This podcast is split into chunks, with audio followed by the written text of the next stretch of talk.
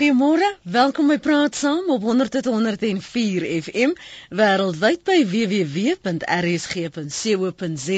My naam is Lenet Fransis. Dit is lekker om weer terug te wees in Johannesburg en van hier met jou te gesels.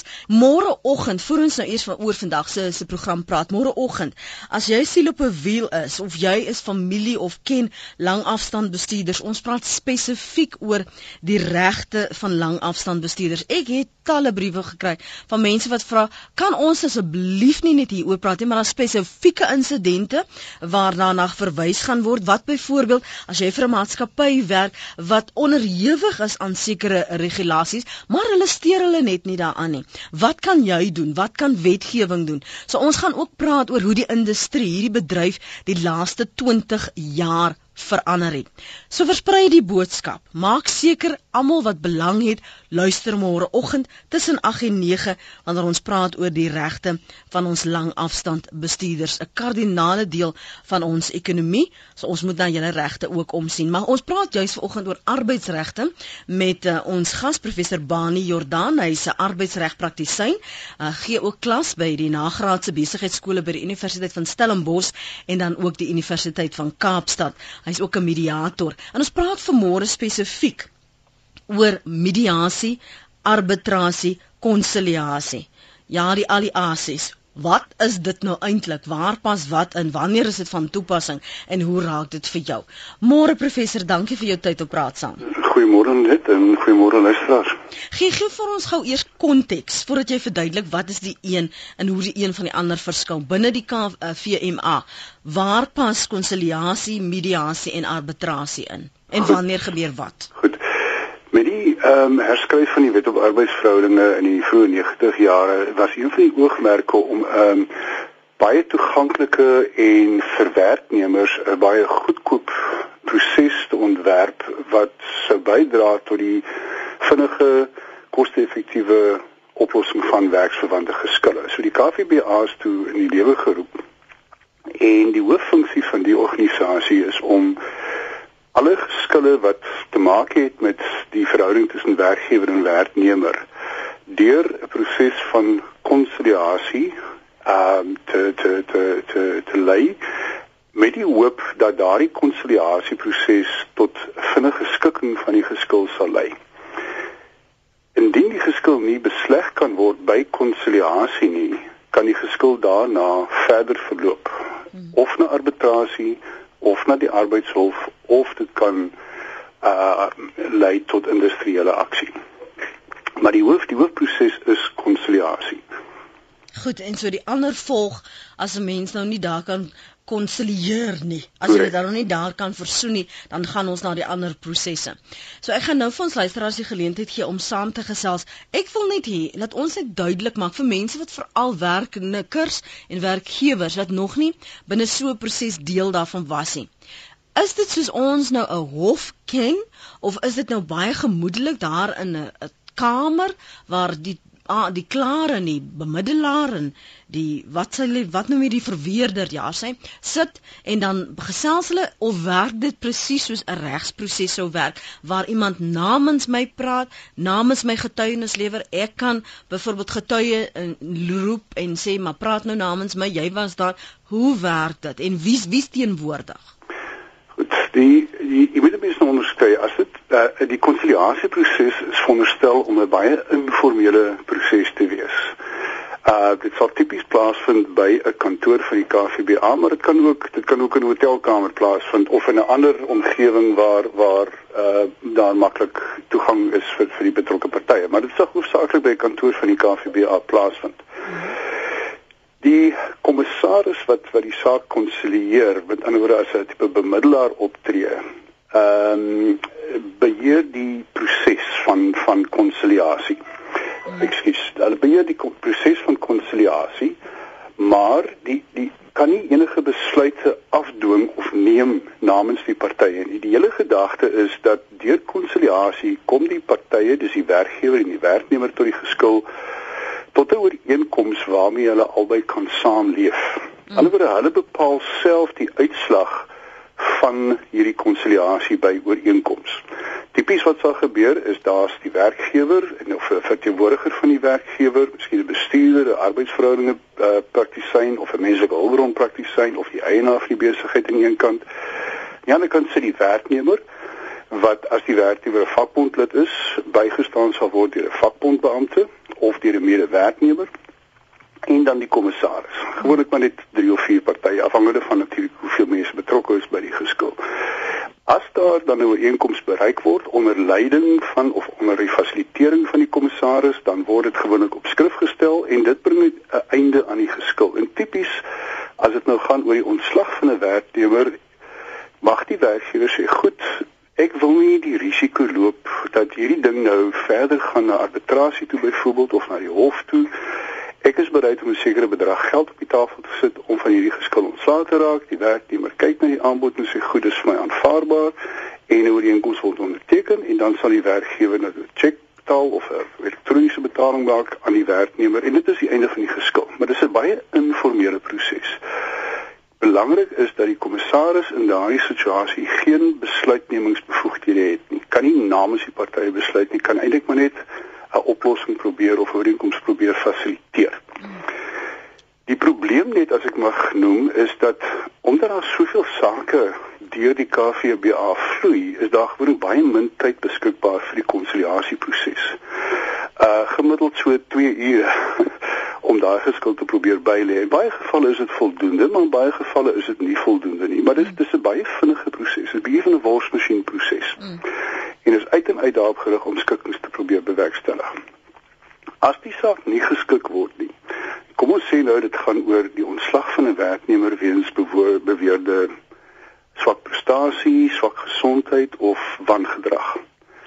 Dan kan die werknemer as die konsiliasie onsuksesvol is, die saak verwys na arbitrasie by die KVBA. So nuwe stel vorms word voltooi Uh daar's 'n wagperiode en dan word die saak op die rol geplaas vir arbitrasie. Nou die arbitrasieproses is ook veronderstel om informeel te wees, maar dit het 'n groter mate van formaliteit as konsiliasie. Dit is soos dis nie 'n tipiese hofgeding nie, maar daar is daar is besluitnemingsbevoegdhede vir die kommissaris. Die kommissaris lei nie alleen die proses van arbitrasie nie. Die kommissaris neem ook 'n finale besluit oor die reg of verkeerd van daardie ontslag, oor die billikheid al dan nie van daardie ontslag. Wie is teenwoordig hier? Dit sal weer die werkgewer, 'n verteenwoordiger vir die werkgewer wees, dit sal die werknemer wees en baie kere verteenwoordiger van die werknemer. Nou normaalweg kan jy nie as dit gaan oor ontslag jou regsverteenwoordiger na konsiliasie of arbitrasie neem nie. Die hele idee is om dit so informeel en vinnig en goedkoop as moontlik te hou. By uitsondering kan regsverteenwoordiging toegelaat word. So tipies in 'n geskil oor ontslag sit jy met 'n informele konsiliasieproses, 'n relatief informele arbitrasieproses sonder regsverteenwoordiging. Ehm um, maar met die groot verskil dat by arbitrasie neem die arbiter die kommissaris 'n finale besluit oor die billikheid of nie van die van die ehm um, ontslag.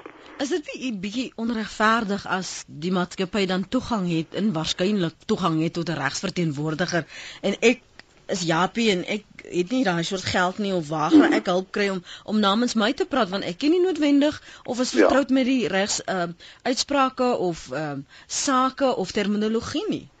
Lenet dit dit is dit is 'n probleem uiteraard, maar dit is nie 'n probleem wat net bestaan in die in die arbeidsomgewing nie. Jy weet as jy enige kommersiële geskille. As jy 'n groot bank wil aanvat oor een of ander onregverdigheid, gaan jy by dieselfde probleem sit en dit is ongelukkig maar in die aard van 'n regstelsel dat dat uh, daar altyd hierdie onewewig gaan wees tussen die mense wat die vermoë het om regs uh, advies in te win voor 'n proses en die wat nie daardie vermoë het nie. Maar as mense lede is van 'n vakbond en die vakbond is uh is hout werd, dan dan dan kan jy baie baie goeie ondersteuning van jou vakbond natuurlik ook kry want dan het ook maar uh jy weet 'n groot mate van ervaring baie van die vakbond amptenare wat by by hierdie prosesse verskyn. Goed, kan ek net gou vra, kan ons aan 'n tipiese uh, geval dink sodat ons luisteraars net sekere terminologie beter kan verstaan? Sê byvoorbeeld, ehm, um, want ek ek is nou onseker of of elke saak dieselfde pad loop. Net Nee, dit is dit is wat die ding so kompleks maak. Kom ek kom ek skets vir jou die die 'n scenario. Mm. Uh dit was 'n bepaalde geval waar 'n persoon ontslaan is weens beweerde swak prestasie. Die saak uh is na konsiliasie verwys. Daar was geen skikking bereik by konsiliasie nie die werkgewer uh wou nie enige skikking voorstel maak nie. Die werkgewer was redelik seker van sy saak en sê ek gaan nie hierdie saak skik nie. As hy die saak verder wil neem na arbitrasie, kan sy dit maar doen. Ons is seker ons gaan suksesvol wees. Die saak word toe verwys deur die persoon na arbitrasie. By arbitrasie is sy onsuksesvol. Nou die besluit van die arbiter is finaal. Met ander woorde, jy kan nie appel aanteken dan. Jy kan nie sê die arbiter se besluit is verkeerd uh op die meriete nie. En dan word die arbiter die verkeerde besluit geneem. Maar wat jy kan doen, en dis waar die kompleksiteit nou inkom. Jy kan sê die proses waar deur die die besluit geneem is, of die proses wat gelei het tot hierdie ongunstige besluit. Ek gaan daardie proses op hersiening neem na die arbeidshof toe. So sy gaan toe en sy sê goed, ek kan nie teen die uitslag wat nou uh, nie my guns was nie, kan ek nie appeleer nie. Ek gaan egter beweer dat die arbiter nie behoorlik ehm uh, die die feite oorweeg het toe hy tot hierdie besluit gekom het wat wat wat uh, wat daartoe gelei het dat my mm. ontslag ehm uh, gehandhaaf word nie. Sy neem dit toe op hersiening na die arbeidshof toe.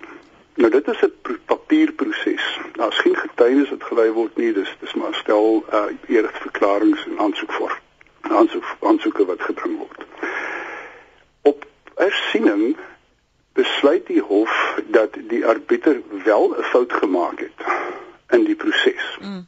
En draai die resultaat om en sê die arbiter kon nie tot hierdie besluit gekom het nie. Ehm um, en die saak moet terugverwys word vir vir vir verdere vir arbitrasie deur 'n nuwe arbiter. so die saak gaan toe terug na die KVBA toe vir 'n nuwe arbiter. Die nuwe arbiter besluit in die guns van die vrou. Die werkgewer neem toe daardie proses weer op hersiening met die arbeidshof. Die arbeidshof handhaaf die besluit van die arbiter en sê daar is niks verkeerd met hierdie proses of die besluit nie. Die vrou se ontslag is onbillik en sy moet weer in diens herstel word. Die werkgewer is nie tevrede met die arbeidshof se uitspraak nie. Nou dan kan jy die arbeidshof se uitspraak op appel neem na die arbeidsappelhof toe. En die arbeidsappelhof uh besluit ten gunste van die werkgewer weer. Maar luister, die vrou, ek weet nie vir jou voltooi, die die vrou, die vrou appeleer toe van daar af na die appelhof in in Bloemfontein. En so aan. En dit neem dit neem omtrent 5 na 6 jaar. So dit is die kompleksiteit waarmee mense te doen kry uh, in in hierdie gevalle. Maar sien jy, dit is waarom mense nie vertroue in hierdie proses het nie. Presies. En ek dink jy weet baie keer hoe meer uh hoe groter jou oorlogskus kiks is hoe hoe hoe meer kan jy natuurlik litigeer totdat die werknemer later maar stoom afblaas en sê ek kan dit nie meer verder nie kom ons laat vaar maar die saak. So dit is ongelukkig die die probleem met mense se toeganklikheid tot die reg is soms 'n probleem weens weens gebrek aan aan fondse. Ons gaan nou 'n bietjie verder gesels oor kommissie vir versoening, mediasie en arbitrasie, die verskille daar, maar ook wat gebeur tydens daardie geskil beslegting. Veral ook as jy byvoorbeeld wel sommer in die eerste, mens kan sê in die stadium, net daardie konsiliasie stadium, dat jy wel ooreenkoms het, wat beteken dit? Hoeveel voorbereiding uh, is nodig? Uh, wie praat namens jou? Kan jy sommer namens jouself praat? Noem jy die kommissaris? Wat noem jy die kommissaris Bani? Mense sal gewoonlik vir die kommissaris vra, uh hoe verkies jy om aangespreek te word? En mense sal gewoonlik sê noem my kommissaris of noem my op my naam of my van. Uh daar's geen daar's geen voorgeskrewe betiteling in hierdie geval nie. Goed. Ek wil net seker maak. Sonny, jy's in die Kaap môre. Môre Lenet. Gaan dit goed? Baie goed, dankie. Wat ek is bly vir die program van môre. Nee, ek is baie bly. Jy sê die prosesse is volgens jou ontoeganklik. Hoekom sê jy so, Solly? Man, ek het op 30 September ag, sê maar Januarie verlede jaar het ek gesaak teen die werkgewer gemaak weens uh, oortydbetaling. Mhm. Mm En die saak het gegaan vir arbitrasie die 30ste September by die Barney Council van die Road Freight Industry. En uh, daar was te beskryf dat die werkgewer 'n sekere bedrag geld moet uitbetaal vir oortyd wat hy gewerk het. Maar tot nou toe het hy nog nie daarin voldoen nie vir 9 maande gelede. En toe ek nou verlede Vrydag weer terug gaan na die kant om te hoor wat aangaan. Mm. Toe uh, die saak nommer alles weg van hulle komputer af. Nou hoe is dit moontlik en daai daai uh, adviseer net sê wat is my volgende stap nou? Sê gou vir my, so so jy's nou weer die uitspraak was dit nou in in Januarie verlede jaar wat jy was hier die hofsaak en toe in September verlede jaar. Het jy nee, die hofsaak was gemaak in Januarie verlede jaar 2011 en toe het jy voorgekom in September. September die 30ste September verlede jaar het ons voorgekom. Mm. En uh, waar die werkgewer wil het om vir 'n sekere bedrag 37000 rand te betaal. Maar hy het nog nooit terugbetaal nie. Nog nooit tot nou toe nie. En werk jy nog vir die mense? Nee, ek het ek het uh, ek het afgetree. O, jy het toe afgetree. Ja. En en nou kan hulle geen enige dokumentasie ook kry nie. Hulle kry net op hulle kompers nie. Maar jy het wel afskrifte van van die prosesse? en Alles nommers in my hand. In jou hand. Dankie. Bani, wil jy dalk vir Solly iets vra? Ja, sorry. Um, ek kan net vir die luisteraars verduidelik. Ehm um, die bedingingsraad waarvan Solly praat, die bargaining council. Dit is 'n liggaam wat deur werkgewers en vakbonde binne bepaalde sektore op die been gebring word. Byvoorbeeld in die padvervoernywerheid, die staalbedryf en dies meer. Waar hierdie bedingingsrade bestaan, kry daardie kan daardie bedingingsrade van die geskilbeslegtingsfunksies van die KVBA uh uh uitvoer. Hulle kry toestemming by die KVBA om dan self geskille wat in daardie sektor ontstaan tussen werkgewers en werknemers deur konsiliasie en arbitrasie op te los. So hulle stel hulle eie paneel van kommissarisse saam wat dan presies dieselfde funksies verrig as jou kommissaris by die KVBA as dit nou gaan oor 'n ontslaggeskil byvoorbeeld. Met ander woorde daar's weer eens konsiliasie en arbitrasie. So daar's geen verskil in die proses of die aard van die prosesse nie, dis maar net 'n ander liggaam wat dieselfde funksies dan dan verrig. Nou, sou in die geval ehm um, die die feit dat jy afskrifte het van die dokumentasie is natuurlik 'n groot hulp. Ehm um, my voorstel, al voorstel wat ek kan maak is jy moet of teruggaan na die KVB ag na na die bedingingsraad toe en sê hier is die dokumentasie ehm um, en en en ehm um, vra asseblief julle agente om die nodige te doen om hierdie geld in te win van die werkgewer.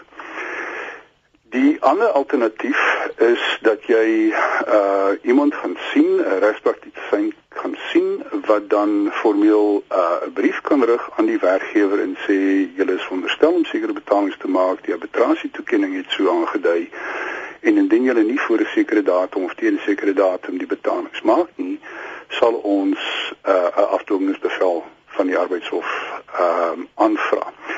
Ehm um, maar anders as dit kan ek ongelukkig nie help nie. Jy weet die feit dat die goed verdwyn het van die stelsel af is is 'n is 'n praktiese administratiewe probleem, maar ek dink sien dit dat jy die die die rekord self het.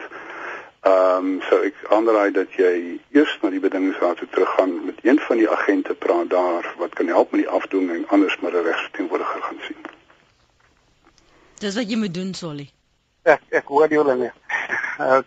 Okay. OK, dankie vir die bel, hoor. Sterkte daar. Ek sal môre weer deelneem want ek was vir ja, 20 jaar in die vervoerbedryf. Ek ek hoor jy die ervaring om saam te praat, maar jy weet ons het mos 'n beleid ons laat elke keer ten minste een keer 'n week kan jy saam praat, maar nie elke liewe dagie, hoor. Alraai. Jy moet jouself maar inhou. Maak so. Goeie Solly, mooi bly totsiens. Solly's daar in die Kaap. Kom ons skuif gou na KwaZulu-Natal toe na Andre toe. Jy bevraagteken die bevoegdheid van die die hof se uitsprake, Andre? Ja, ek het 'n saak gewen by die hof van mediasie arbitrasie wat ons uh, saak gewen het teen my werkgewer. Hy het nie opgedaag vir die saak nie. En toe sal uh, uh, die saak in ons guns beklink. Maar nou het hy uh, die werkgewer appel aangeteken teen die saak. En uh, nou sê my regsverteenwoordiger vir my dat ek 'n kans staan van 50-50 nou om die saak te wen. Nou so wat is nou die die die die bevoegdheid van die hof? Ek meen die uitspraak was geen ons uh, guns. Want die mm. werkgewer het nie eens opgedaag vir die hofsaak nie. En uh, nou nou staan ons op 50-50 kans om die saak te wen. Uh, wat is die professor se mening omtrent dit? Asseblief. Sal jy by die radio luister? Ek sal dan. Dankie Andre. Dan. Skuif gerus na die radio. Dit is natuurlik altyd moeilik om om om iemand te probeer uh advies gee uh as 'n mens beperkte inligting het. So ek ja. het glad nie agtergrond oor presies die feite nie, maar dit klink vir my tog eienaardig as die werkgewer nie opgedaag het nie. Arbitrasie toekenning is in die luisteraar se guns gemaak. Uh is dit vir my vreemd dat die respektiewe kan sê daar is nou 50-50 kans op op op sukses by by hersiening. Tensy dit kan gebeur dat die die werkgewer 'n goeie rede aangevoer het waarom hulle nie opgedaag het nie. Dit mag wees dat die KVBA die dokumentasie in verband met die die arbitrasieproses na 'n verkeerde faksnommer gestuur het of na 'n verkeerde adres gestuur het. En dat die werkgewer te alle tye die bedoeling gehad het en die bedoeling getoon het in korrespondensie om deel te neem aan die proses. En met ander woorde dat dit nie die werkgewer se skuld was dat hulle nie opgedaag het nie, maar fout van die KVBA se kant af. In so 'n geval mag dit wel wees dat die hof sê, kyk, dit is die hierdie hierdie toekenning moes nie in die afwesigheid van die werkgewer gemaak geword het nie. Ek verwys die saak terug na die KVBA toe vir vir arbitrasie. Ehm um, as die regstreeks word gesê daar's 'n 50-50 kans op sukses, dan sou ek dink 'n mens moet eerder dan sê luister in daai geval is ons nou nie moeite werd om om meer geld te gaan spandeer op 'n 50-50 kans op sukses nie kom ons aanvaar eerder dat dat die saak miskien terugverwys word as ons kan ooreenkom dat die saak terugverwys word vir arbitrasie. Uh en ek is seker van die meriete van my saak, dan gaan dit vir my beter wees om eerder die die die die die proses van hersiening nou uh daar te laat en terug te keer na arbitrasie toe. Leon ek is nou by jou. Um, ons gaan nou nou Leon se oproep neem hy's in Bethlehem. Hoe lank het jy geleentheid tydstuur vir al om te appeleer om te sê ons moet hierna kyk op hers, op hersiening dis my eerste vraag en dan as die kommissaris 'n uitspraak lewer soos in die geval van Andre moet hy sê op watter gronde? Absoluut. Ja ek dink dis die makliker een is absoluut. Uh, die arbiter moet redes aanvoer vir die toekenning. Ehm um, en daardie redes moet ehm uh, logies wees, dit moet dit moet redelik wees, dit moet uh alle tersaaklike faktore en feite in ag neem, al die getuienis wat gelei is moet in ag geneem word. Ehm um, so die arbiter kan nie net uh, besluit in die duim uitsuig nie. Dit dit moet dit moet 'n oorwoë en beredeneerde besluit wees. Hoe lank neem dit wel? Uh kom ons neem dit van die stadium van ontslag. As ek ontslaan word, het ek 30 dae na die datum van ontslag om my geskil na konsiliasie te verwys. Ek voltooi 'n bepaalde voorgeskrewe vorm en stuur dit deur na die KVBA toe en hulle stuur dan vir my 'n vorm terug en vir die werkgewer om te sê hier is die datum waarop die konsiliasie sal plaasvind. Ons verskyn by konsiliasie en dit kan dit kan enigiets van 2 tot 3 of 4 weke uh, nadat die, die dokument deurgestuur het uh, plaasvind. Mm. Ons verskyn by konsiliasie as die geskil nie by ooreenkoms bygelê word nie, dan het ek 90 dae as werknemer om die saak na arbitrasie te verwys. Albei hierdie tydperke 30 en 90 dae kan is is buigsaam daar kan spesiale omstandighede wees wat wat veroorsaak dat ek nie betyds my geskil verwys het nie so daar kan altyd sogenaamde kondonasie gegee word maar die tydperk is normaalweg 30 na 90 dae. Die arbitrasie sal dan plaasvind op 'n toekomstige datum as ek ontevrede is met die arbitrasieproses en ek wil dit op hersiening neem nadat die arbitrasie toekenning bekend geword het dan het ek 6 weke om my aansoek vir hersiening by die arbeidshof in te dien. Ehm um, maar dan kan dit maande selfs jare neem voordat die saak op die hof verskyn as gevolg van die hoeveelheid sake wat daar op die op die rol is. Sien dit is wat die frustrasie is. Ek kyk na die SMS'e wat ons ontvang en dit is die een ding wat mense sê. Meneer Palm skryf op ons webblad, baie van die gedinge is net om die regslei van werk te voorsien en hulle in besigheid te hou. Die een spreker was reg, indien jy nie genoeg geld het nie, gaan jy verloor.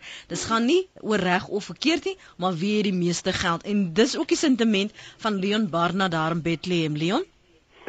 Ja, net, ehm um, hy het nou gesê uh, ou kom tot by die hof en dan gebeur die dinge net nie soos dit moet nie. My saak is 8 jaar terug al. Deur die arbeidshof aan my toegeken dat my werkgewer omdat ek onbillik ontslaan is, mm. moes hy betaal. Eers het die bande weggeraak by die hof. Toe het hulle afskrifte gevra vir al die dokumentasie.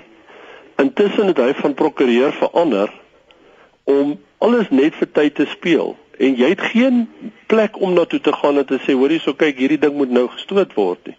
As jy nie 'n regter of 'n nie 'n regter nie, advokaat aanstel nie, word jou saak net eenvoudig in 'n leer erns op 'n tafel gelos en dis eind van die storie. Myne is 8 jaar terug. Ek het nou nog nie 'n sent gekry nie. Nee, dis dis 'n skande. Ek dink dis absoluut. En ek dink die storie is uniek nie. Ek dink dit is besonder, maar maar daar's baie gevalle waar waar dokumentasie verdwyn, waar waar daar net 'n ongelooflike lang tou van sake is wat voor die hof moet dien en en en waar mense vir jare van kan sit en wag vir vir vir. Maar is daar nie iemand wat hierdie storie beheer of daarna kyk laat dit uitgesorteer word sodat die mense wat ehm um, onskuldig is wel toegeken word kry wat aan hulle toegeken word nie. Jy weet dit is 'n administratiewe probleem by beide die KVBA en en die howe en en al wat 'n mens voor kan hoop is dat daar beter bestuur administratiewe bestuur uh in plek sal kom by by van die uh van die instansies. Dis nie mens wil nie almal oor dieselfde kam skeer nie, maar maar uh ek kry baie klagtes self van mense die administratiewe reëlings veel te wense oorlaat in baie gevalle. Ja.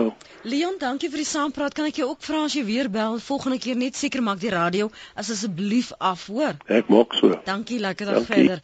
Anoniem in Modimolle, wat is jou bydrae môre? Ek wil Goeiemôre, ekskuus. Ek wil net graag uitvind hoe kan 'n lasbrief wat uitgereik is deur die arbeidshof deur 'n prokureur gekanselleer word? Is die arbe het die het die arbeidshof 'n lasbrief uitgereik en wat het daardie lasbrief gesê? Die lasbrief het gesê dat die uh werkers se uh se voertuig moet ingeneem word en verkoop word op 'n veiling sodat hulle my seun se geld kan uh, vir hom gee wat hy wat hom toekom. Uh wat hy, hoe sal ek sê, die ehm um, erkenning gekry het dit is verkeerd van hom gewees. En toe is die lasbrief net gestop. Daar was 'n kompensasiebevel uitgereik, die werkgewer het nie betaal nie en uh toe is beveel dat dat daar op die bates beslag gelê moet word dat dit geldig gemaak moet word en dis meer. Ek kan nie vir sê hoe dit wa waarom dit gekanselleer is nie is die bedrag glad nie betaal nie. Nee, die bedrag is glad nie betaal. En en wie se prokureur het dit gekanselleer? Die ander party se. Ja, die ander party se. Nee, dit klink vir my vreemd.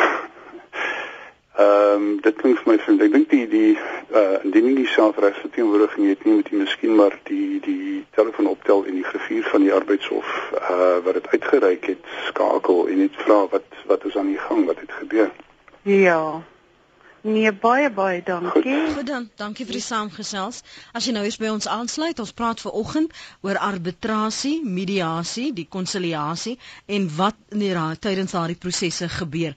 My gas ver oggend is professor Bani Jordaan. Hy's 'n arbeidsregpraktisyn en hy gee ook klas uh, natuurlik uh, onder meer oor um, arbeidswetgewing by die nagraadse besigheidskole by die Universiteit van Stellenbosch en dan ook die Universiteit van Kaapstad. En hy hy is ook 'n arbiter. Nou, hoe het jy nou 'n arbiter geword? Hoe hoe het hulle besluit jy's goed genoeg?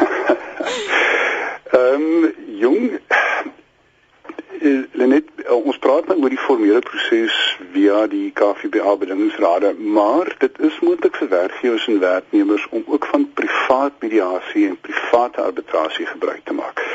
Nou privaat bemiddeling, privaat arbitrasie beteken dood eenvoudig dat die bemiddelingsproses en die arbitrasieproses ehm uh, uh, hanteer word deur uh iemand waartoe die werkgewer en die werknemer ooreenkom en waar daar reëling dan is oor die fooie van die arbiter of die bemiddelaar, daar die partye tref self hulle reëling oor wanneer die proses plaasvind, waar dit plaasvind. Hulle kan self aandui wat die perke van die bemiddelaar of arbiter se bevoegdhede is vir die partye te geleentheid om die hele proses self te ontwerp by wyse van ooreenkomste. Mense vind baie van hierdie tipe privaat geskilbeslegtings ooreenkomste in bedrywe waar vakbonde en werkgewers kollektiewe ooreenkomste het. Mm. So ek het in die 80e jare betrokke geraak in privaat bemiddeling en arbitrasie. Ehm um, en het hier in die middel 90 jare, eerste 6 of eerste 3 jaar nadat die KVB APB gebring is gehelp met die opleiding van die eerste groep bemiddelaars en arbiters en self 'n uh, deeltydse rol gehad daar. So ehm um, wat ek net wil sê vir die luisteraars is ons praat nou oor oor hierdie prosesse wat so langdradig en duur is. Die die maar ook wat werk vir werkgewers, jy weet dit is 'n onseker proses vir werkgewers ook. Dit uh dit neem tyd, dit neem geld, dis 'n beslommernis, dit lei die aandag af van van mense bestuurstake. So ek dink werkgewers het ook geweldige frustrasie soms met hierdie prosesse en baie keer voel werkgewers dat sake onnodiglik verwys word. Sake wat nie meriete het nie word verwys. Ehm um, die beste advies dink ek wat mense kan gee is dat werkgewers hulle werknemers moet aanmoedig en hulle bestuurders moet aanmoedig om enige geskille wat binne die werksverband ontstaan so gou as moontlik intern te laat oplos deur onderhandeling en en bemiddeling voordat hierdie geskille in die formele KVBA of hofprosesse beland. As jy as jy prosesse het waar jy jou interne gruwe uh, en ander ander werksverwante probleme vinnig en effektief kan oplos, dan spaar dit baie tyd, moeite en dit skep natuurlik ook ook ook groter sekerheid. Ehm um, die KVBA het 'n werkslas wat wat wat wat skrikwekkend is. Daar word meer as 500 sake per dag op die KVBA se stelsel gelaai landwyd. Nou dis meer as een saak per minuut van werksdag. So dis 'n massiewe hoeveelheid sake wat wat verwys word. Die statistieke toon dat meeste van die geskille wat by arbitrasie eindig word ten gunste van werkgewers beslis. Iets soos 62% van die geskille word in werkgewers se guns beslis. Dit mag wees natuurlik dat dit die resultaat is van die feit dat werkgewers baie keer goeie advies het. Mm of dat hulle interne uh, hulp het van arbeidsverhoudinge praktisyns en dies meer. Ehm um, daar is aanduidings dat dat uh die die prosesse van die KVBA uh, meer vaartplein gemaak gaan word dat daar ook in die arbeidshof ehm um, beter administratiewe stelsels in plek sal kom. So ek is hoopvol dat baie van die praktiese probleme wat mense ervaar beter tyd uitgesorteer kan word ook.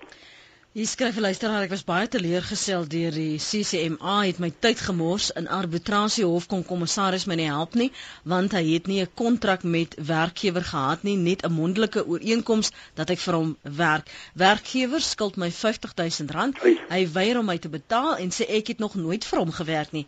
Die kommissaris gooi net die hande in die lug. Dis anoniem se SMS daardie. Ek gou met David Viljoen gesels môre David. Uh, goeiemôre Lenet, uh, goeiemôre aan die gas. Goeiemôre. Uh, ek het net so een of twee vrae gou vinnig asseblief. Mm. My seun het nou onlangs sy werk verloor in 'n totaal totaal uh, ongrondwetlik en ek sal ook sê met drie van die arbeidse uh, soos byvoorbeeld eh uh, uh, sê mes uh, onregmatige ontslag en die tipe van goed. Mm. Uh, uh net omdat hulle vir iemand anders wat ook in die afdeling is uh, werk wil skep.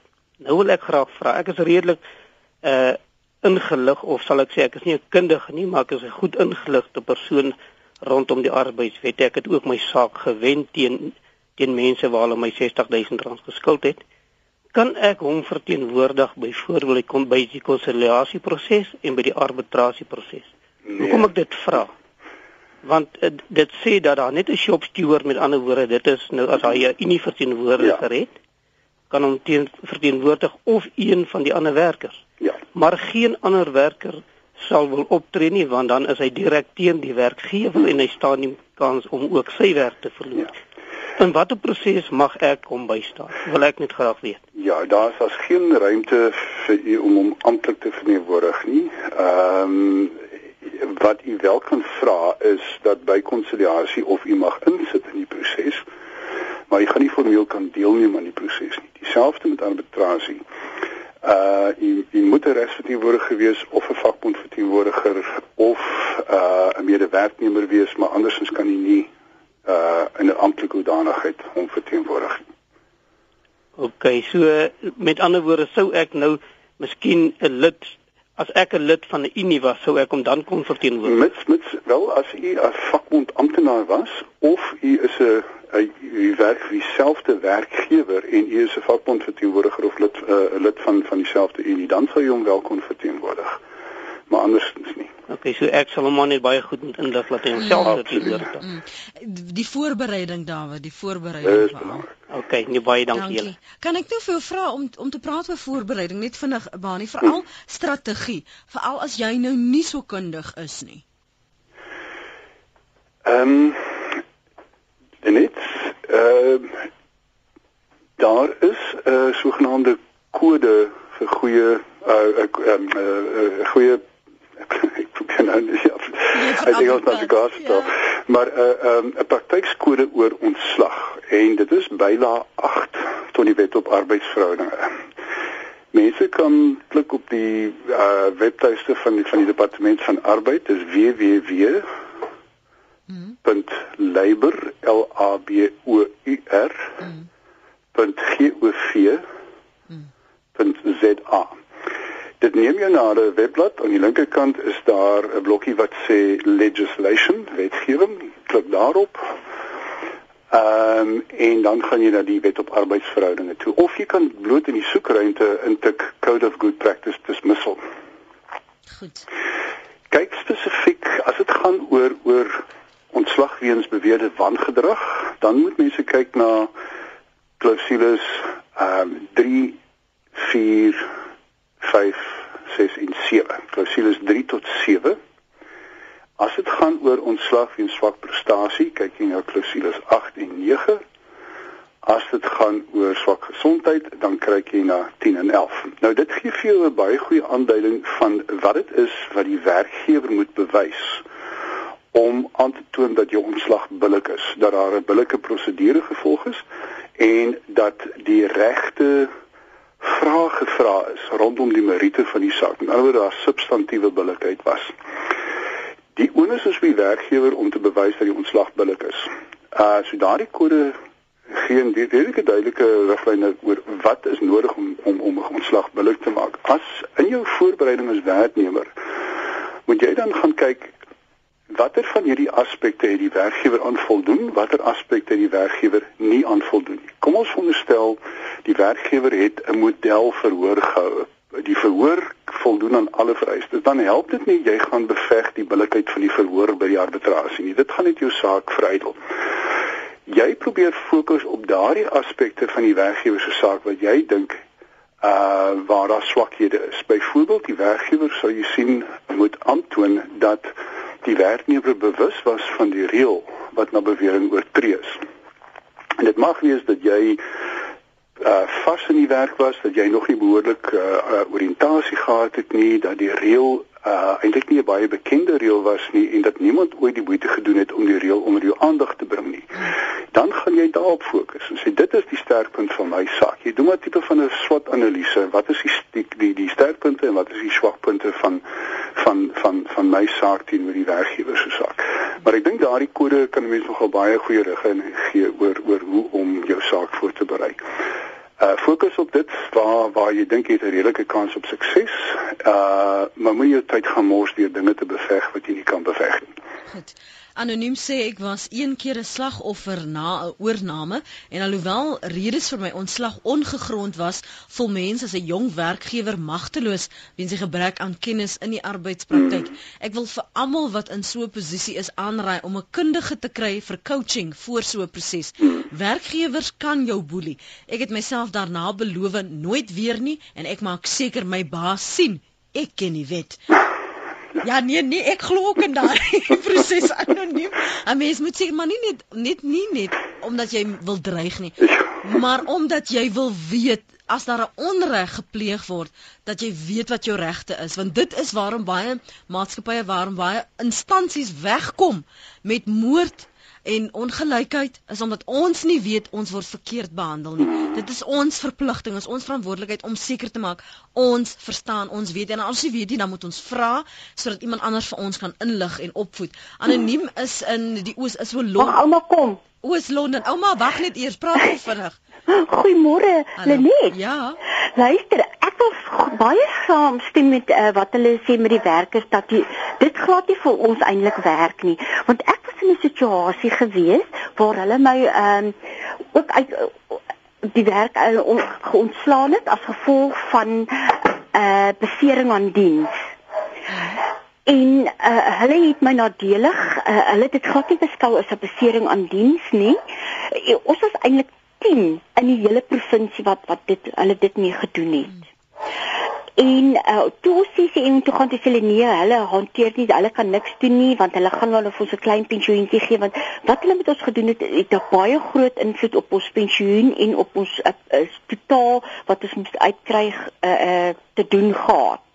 Ja. En ek was hier gewees by ses prokureurs in drie gevalle het hulle skakel hulle die bestuurderes van die firma mm. en hulle vertel vir kyk dis nou die geval en sy vertel net wat is die storie en hulle glo glo dit en hulle wil niks verder gaan om jou te help in die saak nie tot ek naderhand 'n prokureur in Port Elizabeth gekry het. Maar anoniem, jy het vanoggend eintlik ingebel om te praat oor dat werkers sensitisering benodig. Hulle moet ja, verstaan. Ja, daaroor sê ek, ons het dit nodig sodat ons kan weet wanneer boelie hulle ons, wanneer is hulle onregverdig teenoor ons. Want ek het my saak gewen in 2010. Die hofsaak het 10 jaar gevat. 10 jaar. Dankie vir die saampraat, ouma. Baie baie dankie Lenet. Lenet, nog dat dat een van die funksies van die KVBA uh, is om mense te adviseer oor hulle regte. So so dit is natuurlik iets anders wat mense kan doen wat nie toegang het tot regsverteenwoordiging nie, is om 'n afspraak te maak en iemand by die plaas die naaste KVBA kantoor te gaan sien sê dit is my saak. Uh kan julle my op 'n manier bystaan? Dit ouwys maak oor watter dokumentasie moet ek bring, hmm. hoe ek my saak moet moet voordra. Uh veel getuies moet ek bring, ehm um, hoe dagvaardig getuies en dis meer. Hulle uh, dit is deel van die funksie om daardie tipe advies oor te verleen. Ek betek sê nie dat die advies noodwendig altyd goeie advies gaan wees nie, maar maar die advies uh, funksie is beslis beskikbaar. Goed Gerard, jy's nou dit so 'n minuut om gou jou punt te maak want jy wil oor lokvinke praat? Ja, eh, ehm um, ek wil net aan professor Jordan vra, ek weet of hy nog my kan onthou nie. Destyds het ons saam sake gedoen in Woester omgewing. Mm -hmm. Soos hy te verdedig, hy of verteenwoordig hy nog die maatskappye, hy Rainbow daar verteenwoordig op die stadium. Mhm. Ehm um, ek glo hy van my nog onthou. Ek wil dit vasstel in daai een saak het ons die een maatskappy gehad wat ehm um, ek dink was SAB wat 'n lokvang metode gebruik het om werkers ehm um, te vang te betrap. En dan was daai getuienis in die in die arbitrasie gebruik. Ehm um, ek wil graag weet of daar eh uh, klaarheid is rondom daai proses of dit steeds nog gebruik kan word. En die tweede een is net die leenverklikkingstoets. Ehm um, hoe geloofwaardig is daai tipe van toets en en kan dit in 'n arbitrasieproses gebruik word? Goed, luister asseblief Gerard by die radio. Dankie jy daar gebel vanaf Saldanha. 'n kortliks as jy binne 'n minuut altyd kan opsom. Dis gerad ja, ek, eh, ek hoop alles gaan goed met jou. Wat lokvinke betref, ehm um, daar die regspraak is redelik duidelik. Jy kan nie ehm um, getuienis gebruik wat daarop uit is ge, uit is om of uh, getuienis gebruik van prosesse wat jy gebruik het wat be, spesifiek bedoel was om mense te betrap nie tensy ehm um, die betrapping ehm uh, toevallig was of blote bewys was daarvan dat die persoon in elk geval ehm uh, die die die die aas sou geneem het. Nou kom ek sê ek ek ek ek, ek uh laat val doelbewus 10 rand in die straat en iemand tel dit op en ek gryp die persoon en sê ek sê ah ek het jou ek het bewys van diefstal. Dit sou nie toelaatbaar wees nie. Maar as ek weet dat iemand gereeld steel en en ek het nie direkte getuienis nie en ek besluit goed ek gaan nou finaal my vermoedens bevestig en ek stel 'n lokval en die persoon neem die geld soos wat ek verwag het mm. dan dan dan kan daardie getuienis wel gebruik word. Ehm uh, so jy kan nie iemand in die versoeking lei wat nie andersins in die versoeking sou gewees het nie wat leenverklikke toetse betref op hulle eie is nou eintlik maar niks werd nie, maar dit kan gebruik word as bykomende getuienis. Uh as jy twee mense het wat toegang het tot 'n ehm uh, uh, uh, kleinkas uh albei was aan diens, die geld is weg, moet anders toegang gehad tot die geld nie. Albei ontken skuld. Albei uh val die leenverklikke toets, dan kan jy sê die leenverklikke toets is eintlik maar die finale uh deel van die legkaart al die getuienis dui daarop dat hierdie twee mense verantwoordelik was die leenverklikkingstoets is dood eenvoudig by komende getuienis om om ons vermoedens te bevestig. Hmm. Daar is so baie ander vrae wat ons luisteraars oor wil gesels. Ons het ongelukkig nie genoeg tyd vir oggend om daaroor te praat nie, maar baie baie dankie aan almal vir julle bydrae, julle terugvoer, die kommentaar, ook uh, die wat sê hulle voel bietjie raad op van dit lyk nie asof hulle enigsins vordering maak in hulle eie sake nie. Bani Jordan, professor Bani Jordan eh, was ons gas vir oggend en daardie webadres waarna hy verwys het is www.labour.gov dis nou GOV .za en dan kan jy gaan soek vir wetgewing of legislation daar aan die linkerkant. Daar sal so 'n paar titels wees. Baie baie baie dankie vir jou tyd vanoggend. Baie dankie Lenet en groet aan die luisteraars. Daar sê, dit was vanoggend se program. Dankie vir die saamkuier. Dankie vir eh, die uh, tweets ook. Jammer as ons nie by dit uitgekom het nie. Moenie vergeet die môreoggend dan praat ons oor die regte van langafstand bestuurders. Dit gaan baie interessant wees, 'n wêreld wat baie van ons nie ken nie. Ons sien die trokke op die pad, die lorries, maar ons verstaan nie die die moeite waardeur hulle gaan om hulle regte erken te kry en om gestaan daaraan te doen nie. So môreoggend gaan ons 'n bietjie 'n kykie neem in hulle wêreld. So bly ingeskakel daarvoor. Hoop jy 'n lekker dag.